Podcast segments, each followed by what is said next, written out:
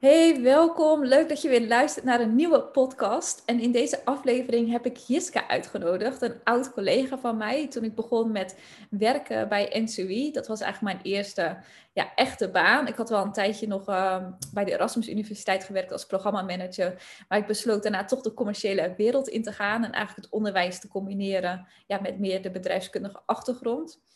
En ik leerde daar Jiska kennen, denk ik, in 2015. En samen hebben we een hele mooie journey gemaakt, uh, denk ik, allebei van hard werken naar meer vanuit ons hard werken.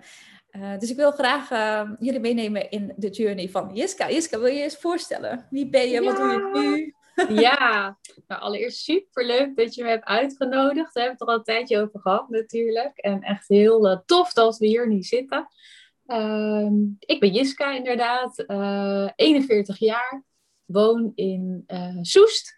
En nou, ik heb jou uh, corona natuurlijk leren kennen inderdaad bij, uh, bij NCW, waar wij voor een project gewoon heel nauw aan elkaar, onze afdelingen waren heel nauw aan elkaar verbonden. En um, ik heb daar elf jaar gewerkt. Echt een groeipad doorgemaakt, echt binnengekomen. Uh, hè, als coördinator van een uh, afdeling en eigenlijk alle kansen gekregen in die elf jaar die je maar kunt, uh, kunt verzinnen. en daar dus ook heel erg heb geleerd van wat past er bij me, wat past er niet bij me.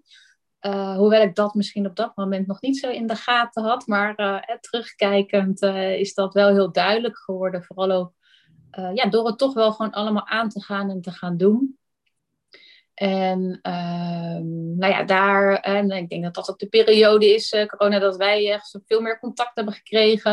Een jaar of vijf, uh, ja, overbelast noem ik het altijd uh, maar, geraakt. Mm-hmm. er zijn natuurlijk heel veel termen als in ja, burn-out, overspannen. Of je hebt daar natuurlijk een heel palet van. En iedereen heeft daar dan altijd gelijk zijn eigen gedachtegang bij. En nou ja, om dat een beetje los te laten, heb ik het altijd maar even over overbelast. Ja. Ik vind het zelf ook altijd een lastige term. Ja. Wanneer heb je een burn-out? En dan pak, plak je er gelijk zo'n label op. Zo van, oh, dan zal je wel zo en zo hebben gevoeld. Terwijl dat is het. niet zo hoeft te zijn natuurlijk. En voor iedereen is het weer zo'n andere ervaring. Dat is het ook. Want je gaat gelijk, uh, dat merk ik wel. Als uh, iemand die zegt, ja, ik heb een burn-out. En die gaat nog drie keer in de week uit eten. Dan weet je, heb je daar gelijk iets huh, maar dat, dat kon ik helemaal niet. Weet je? Dus je gaat er gelijk een waarheid op plakken of een label op plakken. Dus nou ja, vandaar dat ik uh, elke keer als ik dat zei, merkte ik dat ik daar moeite mee had. Dus praat ik nu inderdaad. Uh, en er zit zoveel over verhalen.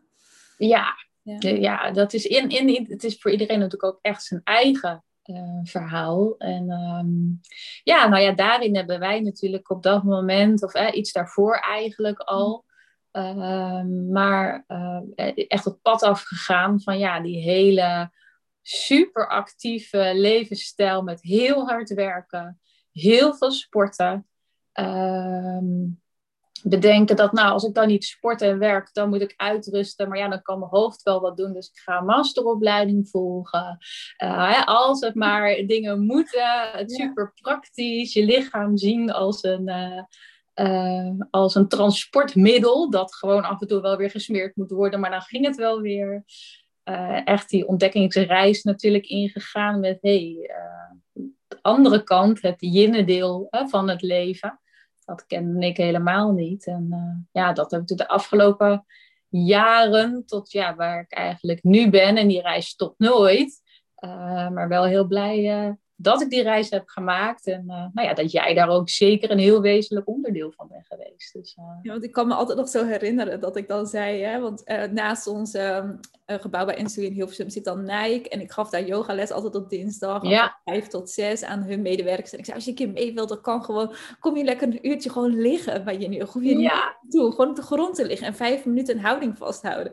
En ik zag jouw gezicht toen. Ja, ik dacht echt, vrouw, ben je helemaal gek geworden? En ik weet ook nog dat je zei, ja, dan moet je gewoon even de achterdeur aankloppen, want dan mag je wel stiekem naar binnen. Ja. Nou ja, mijn leven bestond eruit dat ik alles deed zoals het hoorde. Of dat nou op werk was of thuis was. Uh, weet je, ik ben opgegroeid in een uh, in Beeldhoven in een heel keurig dorp, in een heel keurig gezin. Wij deden alles zoals het moest. En uh, je sprak met twee woorden, je zei u. en je zei tegen de buurvrouw geen hoi, maar goedendag. Ja. En toen zei jij, ja, je moet gewoon even op de achterdeur kloppen. Dan laat ik je wel binnen. En ik dacht echt, oké, ik ga iets doen wat echt niet mag. nou, dat was mijn eerste openbaring. ja, want hoe was het voor jou om dan een uur op de grond te liggen? Hè? Van spreken, je doet natuurlijk ook wel dingen, maar het is lang een houding vast uh, houden. Voor degenen die niet kennen, yin yoga, hou je een houding voor drie of vijf minuten vast. En ja, je ligt op de grond of je zit, hè? je hebt bijna geen staande houdingen. Nee heel ontspannen. Het is eigenlijk een stukje dat je je mind even mag loslaten hè? en veel meer in je lichaam mag zakken. En in eerste instantie kan dat best wel confronterend zijn voor je gedachten. Ja, heel erg. Want je eh, sowieso, mijn brein zei gelijk stil liggen op de grond in een houding. Zo, maar dat is even zonde van mijn tijd. Wat gaan we dan doen? Ja. Uh, maar toch was er wel een nieuwsgierigheid. Hè? Mhm. Want ik wist echt wel uh, dat ik iets moest. Maar wat dat iets dan was. dus ik stond er wel heel erg voor open uh, om in ieder geval dingen te verkennen. Uh, maar ja, die eerste uh, yin-lessen bij jou, later ook hier Soest ben ik veel meer yin-yoga gaan doen. Mm. Ik ben er regelmatig ook gewoon mee gestopt, want dan was ik weer boos en dan sloeg het weer nergens op. En mm. Uh, en op wie vielen de houdingen me niet. En uh, dan ging mijn, mijn, brein weer helemaal in, uh, in, in, in, de overload. vond ik er van alles van, maar kwam altijd weer terug. dus, ja, er was iets van nieuwsgierigheid en dat je misschien wel ja. binnen gewoon wist van dit is eigenlijk wel heel goed voor mij. Dit is heel goed voor mij en nu, nou ja, kan ik eigenlijk niet meer zonder en merk ik gewoon dat ehm, op het moment eh, dat het ook oké is om ergens weer even afstand van te nemen. En, en als, het, als het op jouw pad hoort, dat je er dan wel weer bij terugkomt. En als dat niet zo is, dat dat dan ook oké is. Mhm. Eh, maar ik ben wel heel blij dat uh, yin yoga gewoon echt, of überhaupt yoga, gewoon echt een vast onderdeel is van mijn leven. Hoeveel ik er ook nog steeds van hou om um, een hele pittige workout te doen. Of hè, gewoon echt uh, eh, 20 kilometer te gaan skaten. Of, maar eh, dat het er ja, allebei... denk ik. Ja. Want ik zie ook heel vaak mensen die dan... Uh, vroeger toen ik yin yoga les nog elke week gaf... dat die alleen maar yin yoga deden. Ja. Maar dan een soort van in een cirkel komen van ja, bepaalde laziness ook. Zo van dat je echt alleen maar stilstaat en niet in die actiemodus komt om ook dingen in beweging te krijgen in je lichaam en in je systeem en in je omgeving. heb ik een hele tijd gehad. Zeker, nou ja, als je nadat je uh, opgebrand ben. Ik mocht ook echt fysiek, uh, omdat ik was fysiek ook echt opgebrand naast, naast mentaal. Dus mijn hartslag mocht ook even niet boven de 120 bijvoorbeeld komen. Mm en je gaat zo'n nieuw uh, pad op. Uh, dat je op dat moment, je, je, je krijgt zoveel lichamelijke klachten ook. Dat mhm. ik dacht, ik doe het heel rustig aan. Ik ga het heel rustig aan doen. En ik moet niks meer. En ik doe het heel... Dus ik ging inderdaad ook... Ik schoot helemaal door in die yin. Nou, en ik wandelde er dan wel bij.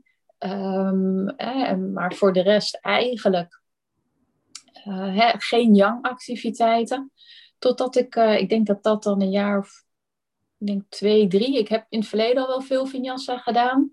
Maar dat de uh, haptotherapeut tegen mij zei van ja, maar je moet je energie ook in beweging houden. Mm ja. uh, want ik merkte bijvoorbeeld, ik had altijd hele koude benen. Dat, dat het, uh, het steeg bij mij altijd naar mijn bovenlichaam. Ja. Echt naar het yang gedeelte, zeg maar. Ja. Uh, en toen ben ik weer heel rustig die flows gaan doen. Echt gewoon Vinyasa flow. Mm en dat vond ik heel mooi om te ontdekken dat juist die flow brengt me eigenlijk echt in mijn lichaam. Doordat die energie dan echt je hele lichaam doorgaat. Dus als ik inderdaad merk van, hé, hey, ik moet echt weer even terug uh, naar mezelf, kan ik soms nog beter een Vinyasa flow gaan doen. Ja. Uh, hè, of inderdaad gewoon even een workout van drie kwartier. Hè, dat alles echt weer eventjes uh, een boost krijgt. Dat kan ik dan soms beter doen dan yin. Ja, ik denk vaak van uh, mensen die dan hè, overbelast zijn, als we het zo noemen, van heb je heel veel yang activiteit gehad, dus dan. Ja, als in één keer, de, hoe noem je dat, ja, dat je tegen de muur aanloopt, hè, dan mhm. ligt even alles stil. En dan moet je even doorgeschoten worden naar yin, om dat weer in balans te krijgen. Omdat je zoveel jaren misschien wel in die yang hebt gezeten. Ja. Dus dat je dan even de yin van totale niks, maar dan daarna moet je weer zorgen van, hoe kan ik die yin en de yang allebei inzetten? Ja, ja, ja, en dat is echt een proces. Ja, dat, en dat, vind, dat heb ik denk ik ook wel het meest interessante, waardevolle, uh, maar destijds het meest ontzettend moeilijke gevonden. Uh, want het is jouw verhaal en het is jouw gevoel en het is jouw lijf, het is jouw brein. Dus uh, ik heb zo vaak ook geroepen van waar is hier de handleiding voor? Waarom leer je dit niet op school? Waarom heeft iemand of heeft niemand het hier, zeker vroeger, nooit over gehad? Ja. Wat had je willen leren? Ja, ik had willen leren dat uh, ik benaderde mijn lijf als uh, een fysiek gedeelte. Dat bestond uit uh, botten en spieren en organen. En die moesten het vooral doen. Als die het niet deden, dan ging je naar de dokter en de dokter die fixte dat. Mm dus, uh, en om dat dan goed te houden, moest je vooral sporten, want daar werd je sterk van. En mijn brein had vooral in mijn beleving een functie nou, dat moest hè, vooral op het gebied van IQ. Hè, dus dat moest het gewoon doen. Dat moest kunnen nadenken. Dat moest kunnen beslissen, kan ik de straat oversteken? Hè, dat moest uh, op werk functioneel, heel functioneel.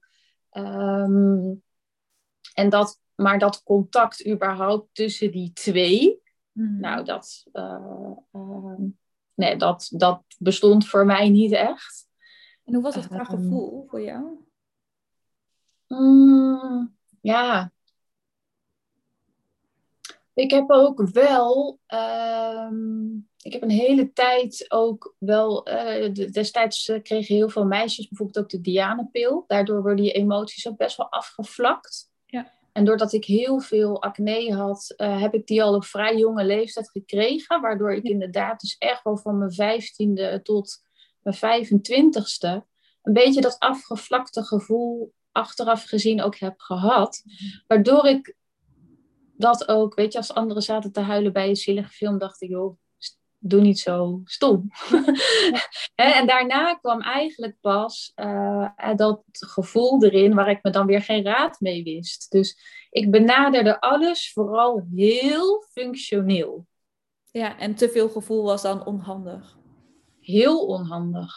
Ja, ik wist ook niet zo goed wat ik daarmee moest. Ja, het is een heel ander onderwerp. Maar wat je ook zegt over de pil, daar hadden we laatst ook uh, in een meeting in presence met het Hardcore Feminine programma over.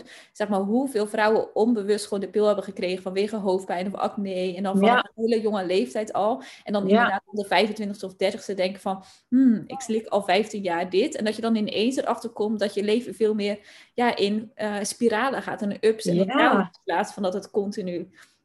Uh, nou, er ging gewoon een hele laag vanaf. Ja. Um, ja, en ook natuurlijk wel, weet je, je krijgt uh, ook gewoon de dingen mee vanuit natuurlijk vroeger, vanuit je jeugd. Um, uh, hè, en dat kan het dan ook nog eens een keer wel versterken.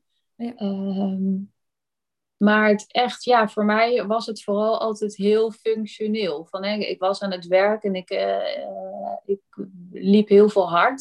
Ik vond het heel leuk om te trainen voor uh, 10 kilometer, zo halve marathon. En dan had ik bedacht van ja, maar als ik dan, hè, dan, moet het, dan moet mijn lichaam dus ook rusten. Of mijn spieren moeten herstellen. ja. Uh, en wat ga ik dan in die tijd doen? Ja, toen had ik dus bedacht, nou dan kan ik wel een masteropleiding gaan doen. Ja. Uh, maar goed, daar ging ik natuurlijk ook weer volle bak voor. Ja. En nou is daar niks mis mee. Alleen datgene wat je gaat doen, moet wel datgene zijn waar jij echt heel blij van wordt.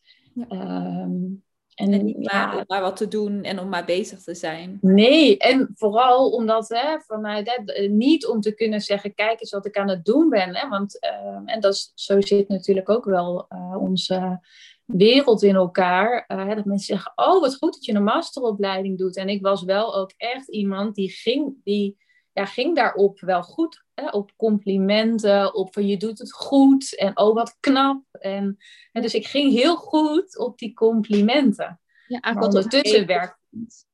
Ja, en ondertussen werk je jezelf gewoon helemaal. Denk ik, ja, maar wat vind ik nu echt leuk? Laat mij maar lekker in de tuin rotzooien. Laat mij maar met mijn hond bezig zijn. Laat mij maar mijn schoenen aantrekken en uh, de natuur ingaan. Weet je, dat... Uh, ja, dat vergeten we soms, hè, omdat we dan zo naar buiten zijn gericht. Van, oh, ja. hoort zo te zijn, wat is normaal, wat verwachten mensen van me. Ja, fijn ja. complimenten te krijgen voor het ego. En dan vergeten we op een duur van, oh, maar wat willen wij eigenlijk? Of wat is onze waarheid en onze unieke... Ja, ja, en ook dat is wel iets wat je echt, echt uh, natuurlijk moet leren. Want ik ben opgegroeid in een super liefdevol gezin. Uh, maar ook heel erg beschermd opgevoed. Dus hè, mijn moeder die deed echt alles voor mijn broertje en voor mij. Dus ja, mijn ouders zaten op de tennisclub, dus ik ging tennissen. Mijn vader heeft HEO gedaan, dus ik ging naar de HEO. Um, ehm, hè, er werd ons eigenlijk uh, ja, het leven iets, uh, niet als in verwend in materialistische zin, maar het werd ons relatief, we, we hoefden niet echt het echte leven aan. maar dus ook niet echt geleerd van ja, hoe maak je nou je eigen keus. En nou ja, oké meid, als jij die studie wil gaan volgen, doe het maar en, en, en stoot je neus maar een keer. Ja. en als je wil ehm, stoppen, is het ook oké. Ja, maar dat was, dat was geen haar op mijn hoofd die ooit bedacht dat dat een optie was. Nee, ik ging naar de HEO, want ja, mijn ouders zeiden dat ik naar de HEO uh, uh, ging. Dus want, want dus dat ging ik doen en dat ronde ik ook in vier jaar af. En ik snapte er dan ook helemaal niks van als mensen bleven zitten. Want je moest gewoon net zo hard werken uh, totdat je uh, het gehaald had. En er was geen vraag of je het niet zou halen of dat je dat niet zou afmaken. Ja, dus eigenlijk een stukje opvoeding, zoals je wat je hebt meegekregen. En een stukje hè, dat je eigenlijk weinig contact had met je lichaam en met je hart. Gewoon vooral vanuit je hoofd. Dat. Ja. Want ik zeg wel eens van, uh, het is zo'n Engelse uitspraak uh, van do you need a burn-out or can you learn in more easy and graceful ways? Ja. En wat, wat denk je daarbij als je dat nu terugkijkt? Zo van, had je dingen meer in easy and graceful ways kunnen doen? Zeker. Um, als je nu terugkijkt, um, Hè, dan had ik vooral ehm, ja, het, stuk, het stuk ego vind ik gewoon heel interessant. Van hè, hoeveel dingen je ook vanuit uh, een stuk ego doet. Um, hè, inderdaad, mensen die zeggen, vooral uh, bij onze voormalige werkgever, waar je zoveel kansen kreeg, zeiden mensen: Ja, maar die nieuwe functie is echt fantastisch voor jou. En weet je, dat, dat, dat, ja, uh, dat is dan heerlijk. Het meest verschrikkelijke project ever. Dat ik echt denk van nou, die baan zou ik echt nooit willen. Al wat zou ik me honderd keer daarvoor vragen. Maar jij deed dat gewoon. Hè? Ja, ik ging dat gewoon doen. Want mensen zeiden, ja, maar dat kun jij goed. Nou ja, als je tegen mij zei van jij kan iets goed. Dan maakte het niet meer uit wat ik daar zelf van vond.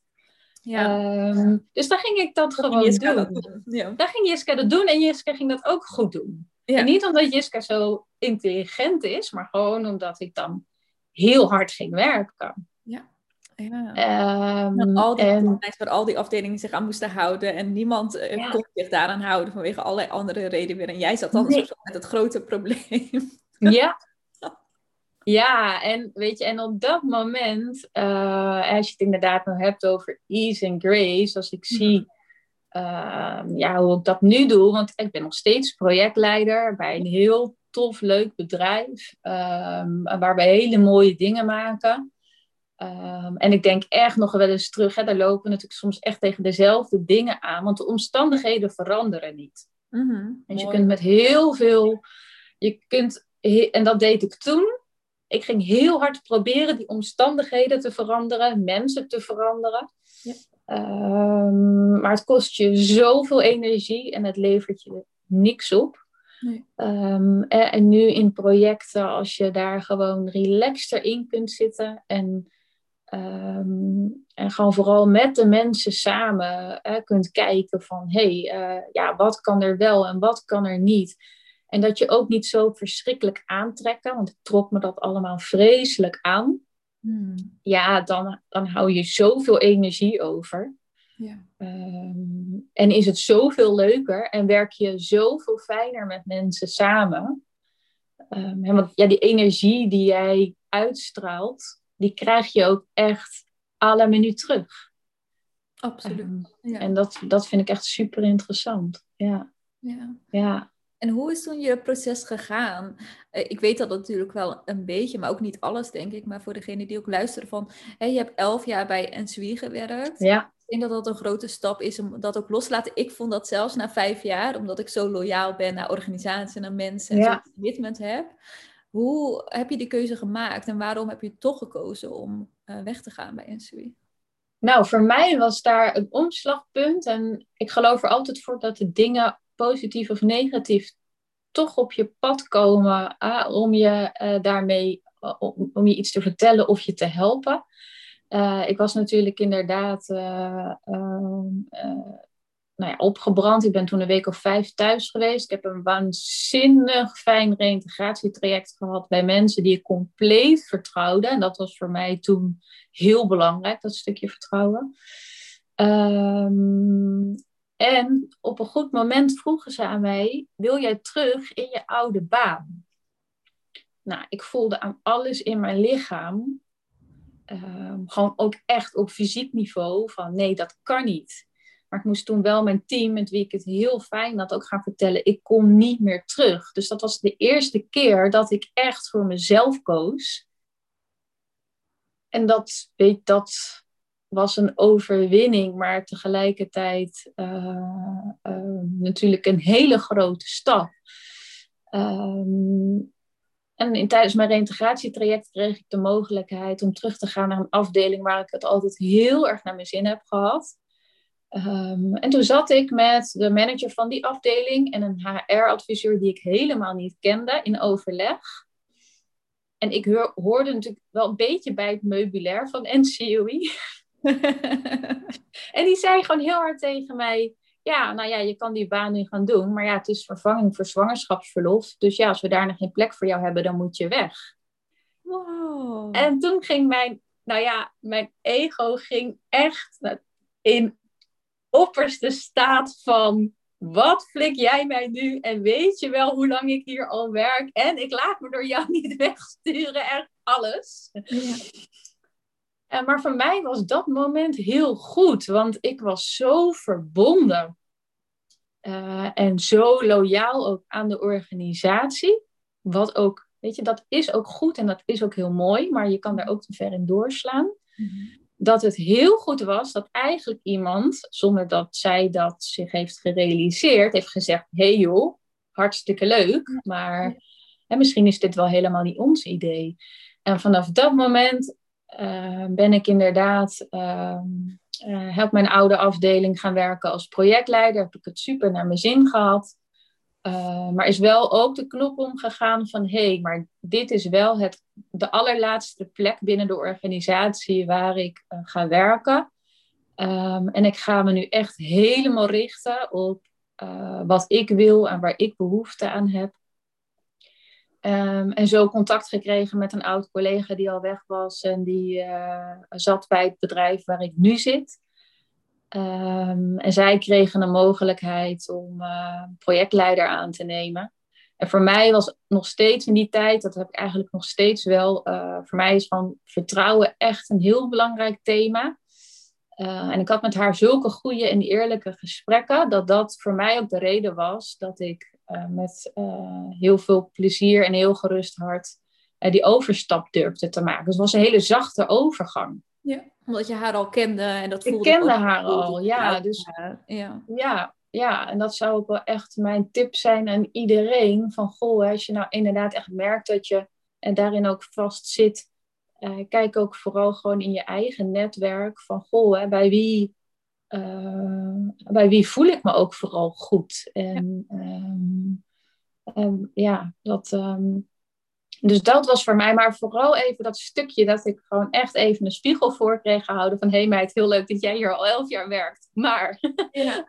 ja. nou, dan nemen we gewoon afscheid van elkaar was voor mij even een hele goede uh, verandering in mijn mindset. Die harde en zakelijke kant die soms ook weer nodig is. Hè? Ik heb dat zelf, ja. manager was, heb ik ook een paar keer iemand een vaststellingsovereenkomst uh, aangeboden. En dat is best wel een proces om zo afscheid te nemen van elkaar. Maar altijd heb ik dat gedaan met het idee van hè, diegene zit gewoon niet op haar plek of zijn plek. En hè, het team heeft daar ook last van. Dus heel de groepsenergie gaat daar ook in mee. En heel vaak heb ik dan echt een half jaar later op zo'n berichtje van diegene gehad van... oh, het was zo goed dat je me die spiegel hebt voorgehouden... dat dit gewoon niet meer de plek was. Maar ik zat vast. Nee. En ja, het was echt tijd. Dus dank je wel achteraf. Maar ja. op dat moment uh, kreeg ik niet zo fijne reacties natuurlijk.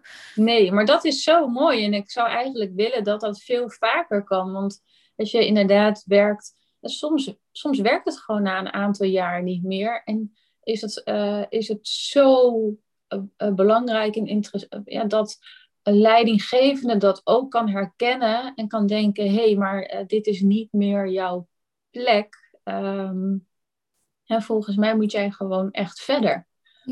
En, um... Er zit heel vaak een stukje angst natuurlijk van dat we dan onze baan verliezen of onze collega verliezen of de zekerheid van een, een, vast contract of de zekerheid van een vast salaris. En dan blijven we in die verkramping zitten. Ja. dan zitten wel eigenlijk stiekem weten we dat het niet meer de juiste plek is. Hè? Nee. Maar hoe dan toch die switch te maken naar vertrouwen en die stap te durven maken. Ja, en ook vooral om het voor te zijn. En ik denk dat, weet je, dat is denk ik ook wat jij uh, die mensen ook echt hebt geboden. Dat als je langer doorgaat, ja. Uh, dat je zowel als organisatie uh, het gewoon een heel groot risico loopt dat je met een, uh, iemand te maken krijgt die gaat uitvallen. Ja. maar ook een medewerker, ja, als je eenmaal wel op die glijdende schaal zit, is er ook echt geen weg meer terug. Um, en dat, weet je, mij heeft dat uiteindelijk gewoon een heleboel opgeleverd. Maar ja, dat is wel een heel, ook wel een lange weg geweest. Ja. Ja, het kan dus met meer ease en grace, dat zeg ik heel vaak. Ja. ja. Ja. ja. En zou jij, het bijvoorbeeld, zou jij het bijvoorbeeld ook niet heel interessant vinden? Want je doet ook heel veel met, uh, uh, vooral nu aan de kant van de mensen en de medewerkers. Hm. Om dat um, veel meer te gaan doen voor bedrijven. Om daarin de andere kant veel meer te leren van... hé, hey, wat kan je nou als leidinggevende bieden? Ja, ja, toevallig heb ik nu met uh, Valken en Verbaan. Ik weet niet of je ah, ja. ja. kent, maar dat ik daar als eh, freelancer dus uh, de leidinggevende mag begeleiden of bepaalde projecten mag begeleiden. Dus dat ik toch ja, meer de verzuimkant dus op ga. Hoe kan je dat dus voorkomen? Ja. Maar dat zal altijd maar een klein onderdeel zijn van mijn werk. Want ik heb natuurlijk maar ook uh, ja, vijf dagen in de week. Of tenminste, nee, ja, dat is wat minder. Maar ja, ik voel ook wel dat ik daar iets aan bij mag dragen. Aan het stukje business en de leidinggevende en op verzuim. En ja ja, het voorkomen dat mensen dus uitvallen en die burn-out. Want ik voel altijd zo sterk dat er dan zo'n lose-lose-lose situatie komt. Weet je wel, die medewerker is hartstikke verdrietig, zit thuis. Uh, team moet meer werk opvangen. En het bedrijf zelf is een soort van persoon kwijt en moet salaris doorbetalen. Terwijl als je proactief leiderschap toepast, ja. kan je voor die medewerker een fijne situatie creëren voor het team en voor het bedrijf. Dus... Ja, dat is, ja, en dat, ik denk dat daar nog heel veel te behalen uh, is. En ik weet, hè, uiteindelijk heb ik dus zoveel liefde voor yin yoga gekregen dat ik de docentenopleiding ben ja, gevolgd en de yin les geef. Dat had niemand, denk ik, tien jaar geleden gezegd, toch? Nee. Dat jij uh, yin yoga zou doen. Nee. dus dat is natuurlijk super leuk. Uh, maar ja, ook in, dat, in die opleiding, waar ik ook nou ja, mijn eigen ego weer duizend keer tegen ben gekomen. En een strijd had met van alles en iedereen. Vooral, vooral in mezelf. Ja, kijk, ik ben natuurlijk heel georganiseerd van mezelf. En ik wil gewoon precies weten. Wat verwacht jij van me? Wanneer verwacht jij dat van mij? Dan wil ik ook dat ik daar genoeg tijd voor krijg om dat goed te kunnen doen. Ja. Nou ja, uh, jij weet waar ik mijn opleiding heb gedaan. dat gebeurt daar niet, nee. It's gonna happen. Ja, het is allemaal in het moment en voelen en het komt wel goed. En een dag van tevoren, midden in de winter, zeggen... Oh ja, trouwens willen jullie morgen allemaal een witte lange lekking en een wit t-shirt meenemen. En ik alleen maar dacht, vrouw, waar denk je dat ik die vandaan moet halen? En weet je wel dat ik een baan heb? En weet je wel... Nou ja, dus ik ging gelijk dus ja, daar ben ik echt ook wel. Uh, Wat heb je eruit kunnen halen? Uit die hele andere kant van zienswijze. Dus, hè, bijna ongestructureerd, heel erg in het moment, vanuit het gevoel nou, dat ik, leven. Ik denk een heel mooi voorbeeld. De oude Jiska, die zou de voorbereiding aan de podcast vorige week aan jou hebben gevraagd. Nou, corona, kun je me even precies laten weten waar wij het over gaan hebben? Ja.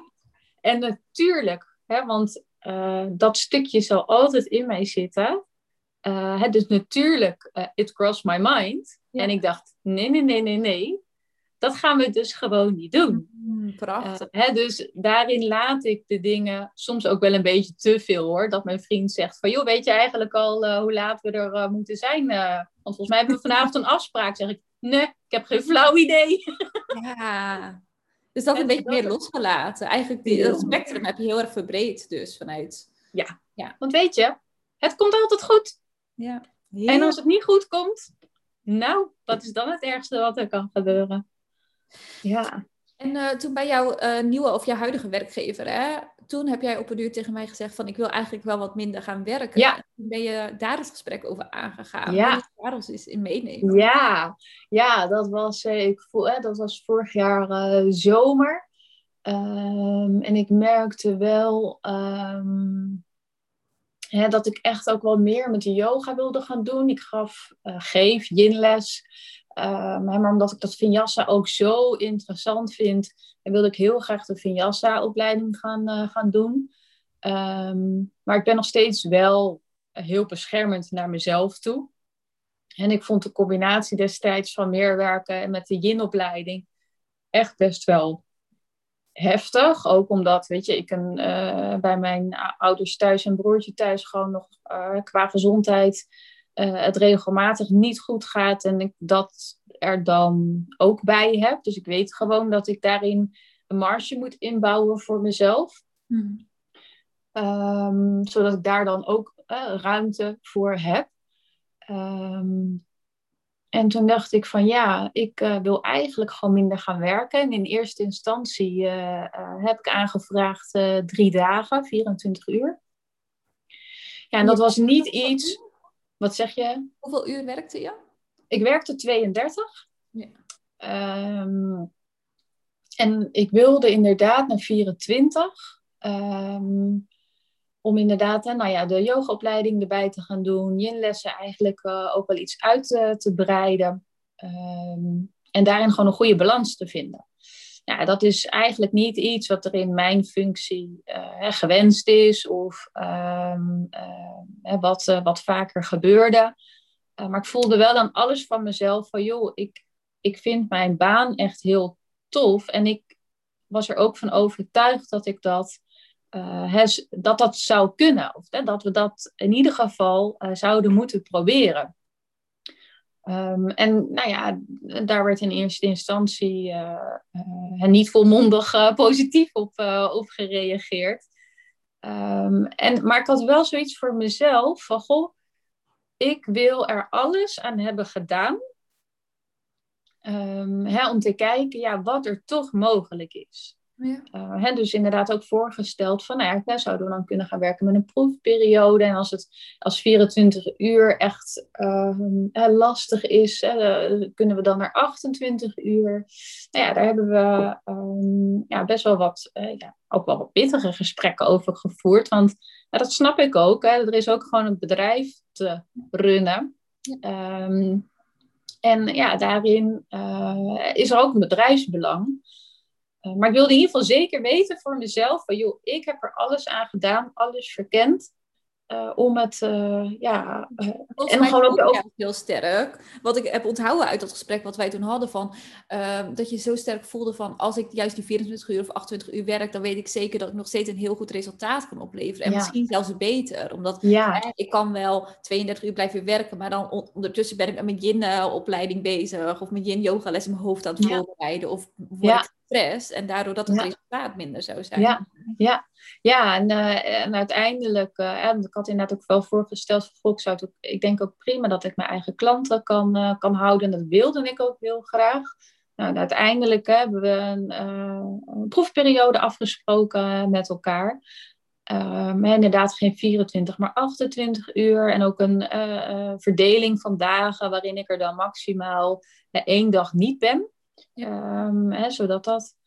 Uh, zodat dat uh, spreekbaar bent voor de klant. Ja, ja. Klant. ja. ja, ja. En nou ja, toevallig hebben we net die evaluatie gehad en die is gewoon heel positief uitgepakt. Dus ik, ik blijf inderdaad 28 uur werken. maar voor mij eigenlijk de grootste winst is dat ik merk, en dat zijn misschien maar vier uurtjes, maar hoeveel uh, nog meer plezier ik heb in mijn werk. Als ik er ben, dan ben ik er ook echt helemaal volledig. Heb ik super veel focus. Um, om me daarna ook, hè, in de, in, als ik er niet ben, en ben ik bereikbaar in geval van nood. Maar als ik er niet ben, kan ik me ook helemaal onderdompelen in mijn Vinyasa-opleiding, in het geven van mijn lessen. Dus het heeft mij zoveel rust gegeven. En daarmee sta ik uh, nu, ja, zit ik zo gewoon goed uh, in mijn vel. En uh, heb ik zoveel plezier in de dingen die, die ik doe. Um, ja, en dan, dat krijg ik ook gewoon wel echt terug. Dus dat is, ja, dat is heel tof om te merken. Dus eigenlijk is het weer een win-win situatie voor zowel ja. het bedrijf als voor jouzelf. Ja, ja. En terwijl ik hoog denk dan eerst, weet je wel, vanuit het bedrijf, vanuit ja van nee, maar zoveel uur is zoals je normaal zou moeten werken. Een bedrijf denkt, ja, maar dit zijn we gewend en zo werkt het, werkt goed. Terwijl als je zo bereid bent om vanuit nieuwsgierigheid en openheid te kijken naar, hey, wat als we het anders zouden doen? En inderdaad met een proefperiode afspreken, hoe voelt dat dan? En ja. zijn de resultaten voor jullie beiden eigenlijk beter? En, ja, ja. is dat. Ja, en ook wel in dat traject, weet je, daar komt dat stuk ego ook echt wel weer naar voren. Dat je denkt van ja, maar ik, weet je, dat. Uh, uh, en ja, dat is. En ik vind dat dan ook gewoon de kunst om als je daar met elkaar uh, gesprekken over hebt, die ja, misschien soms ook best wel pittig zijn, maar dat je daarna ook gewoon met elkaar verder kunt, zonder dat dat blijft ehm, zeuren of uh, het toch een soort met van frictie geeft. Uh, en, en dat is gewoon heel goed gelukt. En daar ben ik uh, mijn leidinggevende ook gewoon heel dankbaar voor. dat dat uiteindelijk de uitkomst is. En ik denk dat je jezelf ook dankbaar mag zijn dat je lef hebt gehad om wel het gesprek ja. aan te gaan. En dat Dit had ik nooit gedaan vroeger. Nooit. Want ja, het hoort zo. Ja. Hè? En ik vond het al, in mijn hoofd was het al belachelijk dat uh, ik, wij hebben geen kinderen. Um, waarom ga jij 28 uur werken? Weet je, uh, ik heb vriendinnen die, die uh, we hebben twee kindjes en die werken 32 uur. Hè, dus dat oordelende stemmetje, dat wordt echt wel steeds minder, maar dat zit er altijd wel in. En, en dat is ook wel de reden in het verleden waarom ik um, uiteindelijk overbelast ben geraakt omdat ik al, ik mocht nooit lui zijn. Of tenminste, van ja, wat heb jij nou voor reden om moe te zijn? Um, en wat doe jij nou helemaal? En uh, ja. Je ja. echt over je eigen waarheid daar weer in vinden. En ook ja. dat je het anders doet dan iemand anders, zolang het nou voor jou klopt. Hè? Ja, en ik heb daar gewoon best wel een, een aantal uh, hele, uh, heel simpel voorbeeld bijvoorbeeld bij ons hebben we op werk lunch het iedereen met elkaar. Maar iedereen weet ook, Jiska lunch niet mee, want die gaat een rondje lopen. Uh, en ik doe dat ook echt altijd, elke dag. En als er iemand is die het gezellig vindt om mee te lopen, helemaal prima. Uh, maar niet meer dan dat. Je hebt de NCW-wandeling erin gehouden. ik heb echt, ja, omdat ik gewoon zo goed weet dat als ik in mijn lunch, hè, je hebt de hele dag toch overleg en je schakelt veel, je hebt veel contact. Als ik met 30 mensen ga lunchen, dan kan je me helemaal opvegen. Ja, uh, zo mooi dat je dan durft anders te zijn en te zeggen, ja. ik heb een rondje wandelen nodig, want dan laat ik mezelf weer op en dan ben ik er weer voor jullie en dan kunnen we ja. weer Ja, ja, ik noem dat altijd een beetje de, de niet populaire dingen. Want het is natuurlijk veel toffer om te zeggen, ja hoor, ik lunch mee. Ja. Uh, hè, hetzelfde heb ik bijvoorbeeld met door de week uit eten gaan. Ik weet dat dat voor mij niet werkt als ik de volgende dag uh, uh, gewoon weer scherp wil zijn. en natuurlijk, het is niet tof om te zeggen: nee, ik ga niet op dinsdagavond uit eten. maar uiteindelijk weet ik wel dat het voor mij het beste is. Ja. Ja. En als het voor jou het beste is, kan je dat ook weer aan de mensen om je heen uiteindelijk weer geven. Ja, en weet je, dan heb je daar in je hoofd heel veel van gemaakt wat anderen daarvan vinden. Mm-hmm. Maar uiteindelijk vinden mensen daar helemaal niks van. En zeggen ze, oké joh, helemaal prima toch? Dat ik wel eens dacht, helemaal prima toch? Ik zit me hier heel druk over te maken. Jij zegt nu helemaal prima toch? Ja, nou is toch oké? Dan gaan we toch zaterdag? Uh, oké. ja, ja, ja. Het zegt het verhaal wat je jezelf ook vertelt. Ja, het is ook meer de regie ook nemen. Hè. Dat merk ik nu uh, met mijn uh, coachingsgesprekken. Eerst vroeg ik heel erg af van, oh, wanneer komt het voor jou uit? Maar dan had ik ja. uren, heel verschillend, door helemaal agenda. En was ik soort van heel de week bezig met het ene coachingsgesprek uh, afronden. En dan had ik daartussen anderhalf uur of zo, waar ik dan net niks deed. En dan weer het volgende nee. gesprek. En nu neem ik daar zelf veel meer de lead in. Zo van, oh, kan je dan en dan? Weet je wel, dat werkt. Ja. En heel vaak zeggen mensen gewoon, ja, is goed. Of, oh ja, komt wel goed. Ik schrijf even iets. En helemaal fijn, fijn dat ik je kan spreken, weet je wel. Mensen vinden dat helemaal niet erg. Maar, maar wij maken dat zelf in ons hoofd zo dat we denken dat dat zo is. Uh, en dat is zo interessant. Ja. ik ben eigenlijk nog wel heel benieuwd naar, uh, is misschien totaal iets anders, maar jij bent natuurlijk ja. begonnen toen uh, met yin yoga, of tenminste ja. met yoga. En je hebt ook wel eens met mij een cacao ceremonie meegedaan en uh, in een guidance gedaan. En, ja.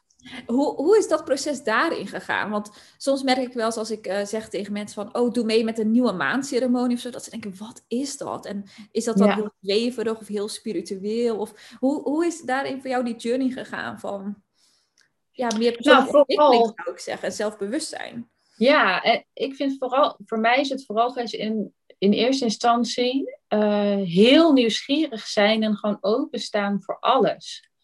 Uh, hè, dat is het met yin geweest. En yin is natuurlijk, yin yoga is echt voor mij uh, natuurlijk blijven kleven. Um, ja. hè, maar dat is inderdaad ook gewoon volmondig ja zeggen tegen een cacao ceremonie.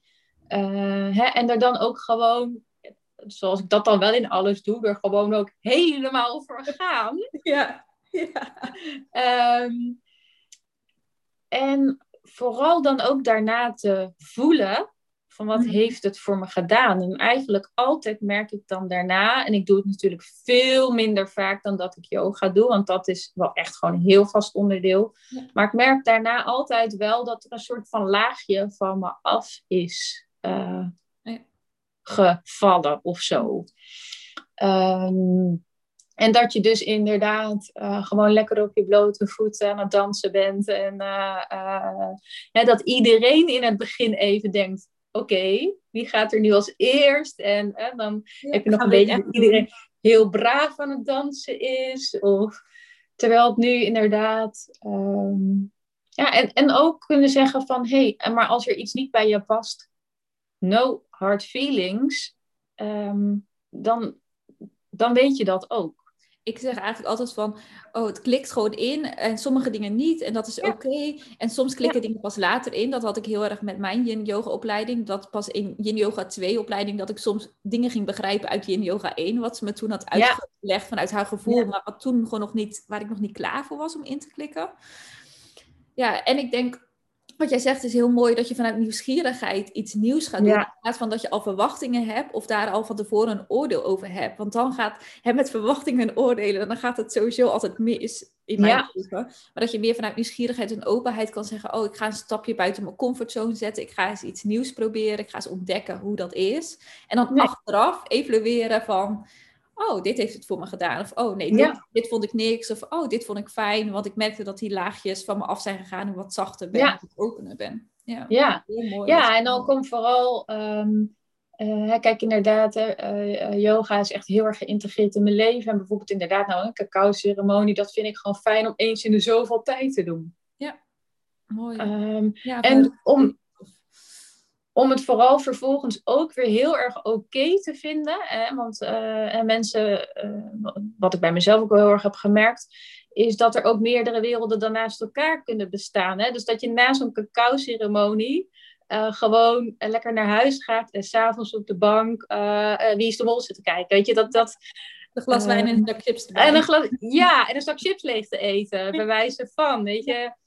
Uh, ik heb in een uh, coachingstraject, uh, zei mijn coach ook wel van, eigenlijk zou het voor jou de uitdaging zijn, hè, bijvoorbeeld op vrijdagavond gewoon keihard te gaan feesten, de hele nacht door te gaan, vervolgens de volgende dag bij inderdaad een, een yin-les te zitten en gewoon hardop te kunnen zeggen, zo, ik was me toch een partijtje dronken gisteren, weet je, en dat dat dat het allemaal oké is. Juist, ja. Uh, dat feest op een festival naast uh, ja. een cacao-ceremonie mag bestaan.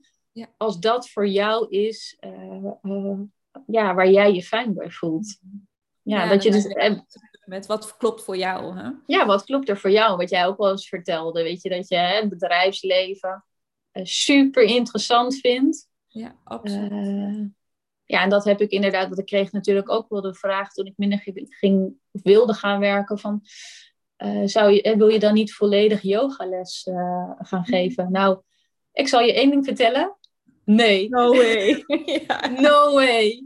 Want juist dat het naast elkaar bestaat is zo mooi. Ja, helemaal mee Ja. eens. Ja. Mooi om het ook mee af te sluiten. Denk. ik. ik weet niet of jij Ja. nog had die je sowieso graag wilde vertellen. Of voor de mensen die luisteren, dat je denkt van, oh, dit is echt een tip. Of iets wat ik geleerd Ja. heb in mijn journey. Nou, het aller, allerbelangrijkste. En ik zei eh, net nog even toen wij hier van tevoren aan het kletsen waren: van ik ga niet schelden. Toen zei jij, nou dat mag wel hoor. Maar We hebben het toch een mij- beetje voorbereid, hè?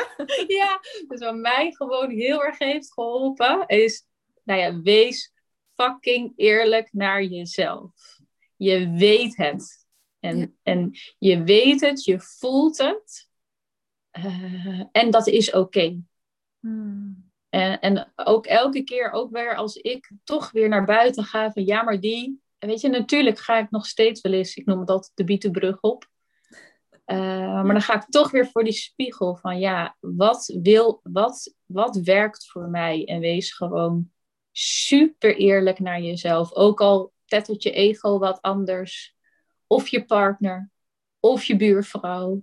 Ehm, maar jij, ja, je weet het donders goed. En ik denk dat dat aller, allerbelangrijkste is om daar naar te luisteren. Prachtig. prachtig. Ja, Ja, en daarvoor denk ik dus wel dat we, om een kleine aanvulling, af en toe de, de trein even stop moeten zetten. En dat we eh, moeten Ja. uitzoomen en die momenten van reflectie moeten creëren. Want anders dan vergeet je op een uur van, oh ja, maar wat, wat wil ik nou? ja en, en als je dat niet doet, eh, en ik zeg echt niet dat dat bij iedereen gebeurt door helemaal niet, maar bij mij is die trein gewoon, gewoon heel hard gestopt. Doordat mijn lichaam gewoon zei van ja joh, maar als jij niet gaat luisteren, Ja. ik kwam gewoon letterlijk niet meer vooruit. Ik ging hardlopen en, en dat deed ik best dan op een behoorlijk niveau. En op, van de een op de andere dag kreeg ik mijn ene voet letterlijk niet meer voor mijn ander. En stond ik midden in het bos. Ja, bizar hè? Dus uiteindelijk stopt, word je anders gestopt. Ja, en beter om dat eh, proactief zelf te doen. Om af en toe even Ja. pauze te zetten, uit te zoomen. Ja. Kijken, waar sta ik, waar wil ik Ja, ja. En dat zou ik gewoon eh, ja, heel veel mensen gunnen. Ja. Ehm, dus ja, eventjes in de spiegel kijken af en toe en denken, wat heb ik nodig? Echt hè? En Jiska, Ja. super bedankt voor dit gesprek. Ja, jij bedankt. Zo inspirerend en zo Ja. mooi om je ook weer te spreken en om Ja. je te horen. Heel fijn, heel Dank. fijn. Dank. Ja, jij heel erg bedankt eh, dat het eh, nu eh, zover was. Ja, ik zei het tegen jou, jij, jij wordt mijn eerste podcast. Uiteindelijk word je volgens mij de vijfde, maar... eh, Ook helemaal prima. Mijn ego die vindt dat niet meer erg. super. Hey, dankjewel. Ja. Jij bedankt. Doei doei.